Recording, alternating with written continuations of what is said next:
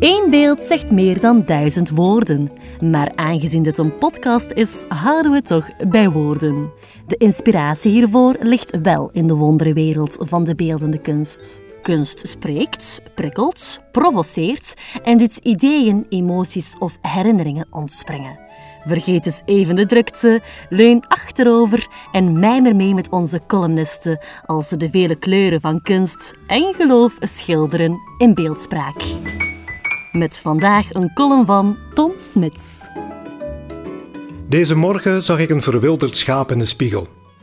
Ik schrok niet al te hard, maar mijn coronakapsel begint onderhand toch groteske vormen aan te nemen.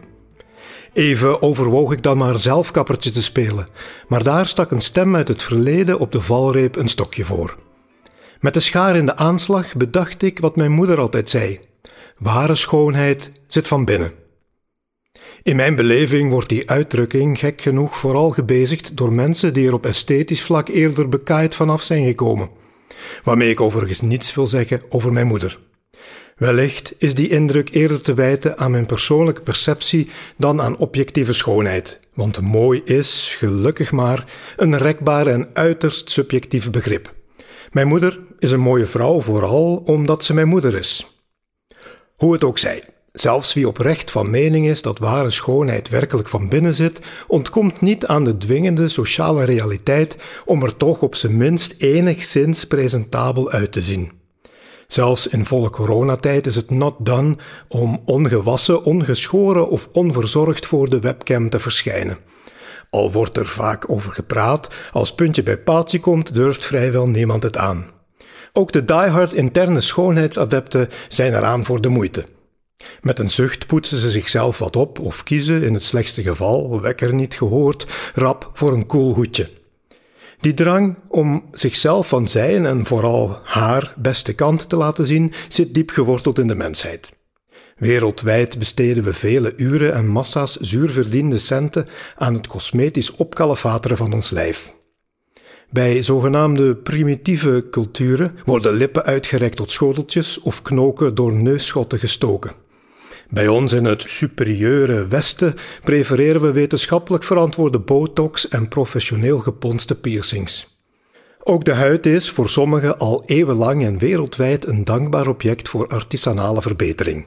Eerst met koolstof, zoals bij Utsi, de ijsmummie uit de Alpen die al zo'n 5350 jaar geleden 61 tatoeages had. Later met allerlei soorten inkt, getuigen de getatoeëerde Egyptische mummies, de Russische Okuk-prinses, de Polynesiërs, Native Americans en Maori's. Zelfs Plato was fan, zei het dan alleen om dieven en heiligschenners te stigmatiseren. In recenter tijden trad tatoeëren ook officieel toe tot de scène van de echte kunst in gerespecteerde musea. Het bizarste voorbeeld van de verheffing van die versierde menselijke huid tot kunstwerk is wellicht Tim van Wim Delvoye.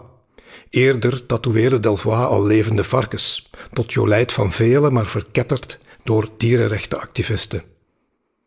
Tim Steiner, zo heet de Zwitser die in 2006 door Delvoye zijn rug liet bewerken. Op zich niet zo bijzonder. Er zijn nog mensen die hun rug vol laten tatoeëren. De tekening is beeldrijk, artistiek ook, met levendige, heldere kleuren. Een evenwichtige compositie met veel klassieke symbolen. Een schedel, rozen, lelies, vogels, vissen, vleermuizen, een jongetje en een meisje. En centraal een biddende Madonna die het geheel omstraalt als de zon. Toegegeven, niet iedereen krijgt de kans om zich met blijvend effect te laten beschilderen door een gerenommeerde kunstenaar. Toch is het niet dat feit dat dit kunstwerk zo bijzonder maakt. Wat het meest tot de verbeelding spreekt, is dat de huid van de man in kwestie verkocht werd aan een Duitse verzamelaar. De deal is daarbij als volgt. Wanneer Tim overlijdt, wordt zijn huid gestroopt, daarna gelooid en kan de verzamelaar ze inkaderen en aan de muur hangen. Een iets wat luguber idee al bij al. Mijn vrouw zou ook alvast geen plezier doen met zo'n ingelijst veredeld mensenvel. Bij mij persoonlijk roept het dan weer net iets te veel associaties op met cijfers op onderarmen en lampenkapjes van mensenhuid. Dan toch liever een getatoeëerd varken.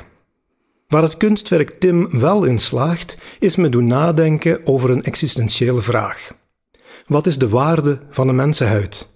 En bij uitbreiding van een mens toekoer. In dat opzicht lijkt 150.000 euro me dan weer rijkelijk weinig voor het grootste orgaan van de mens, laat staan voor een mensenleven. Wat dan wel een correcte prijs is, kan ik met de beste wil van de wereld niet zeggen.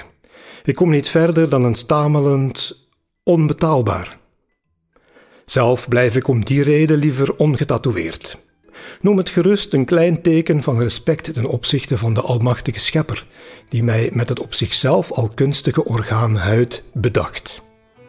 Heel consequent ben ik inderdaad niet, zoals een van mijn kinderen terecht opmerkt wanneer ik dit vrome standpunt tijdens het eten te berde breng. En die oorbel dan? 1-0. Als ik dood ben, mag je hem inkaderen, antwoord ik lachend. Met oor en al. Maar nu nog niet, denk ik bij mezelf.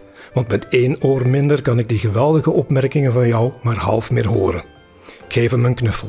Huid tegen huid, levende huid. Onbetaalbaar.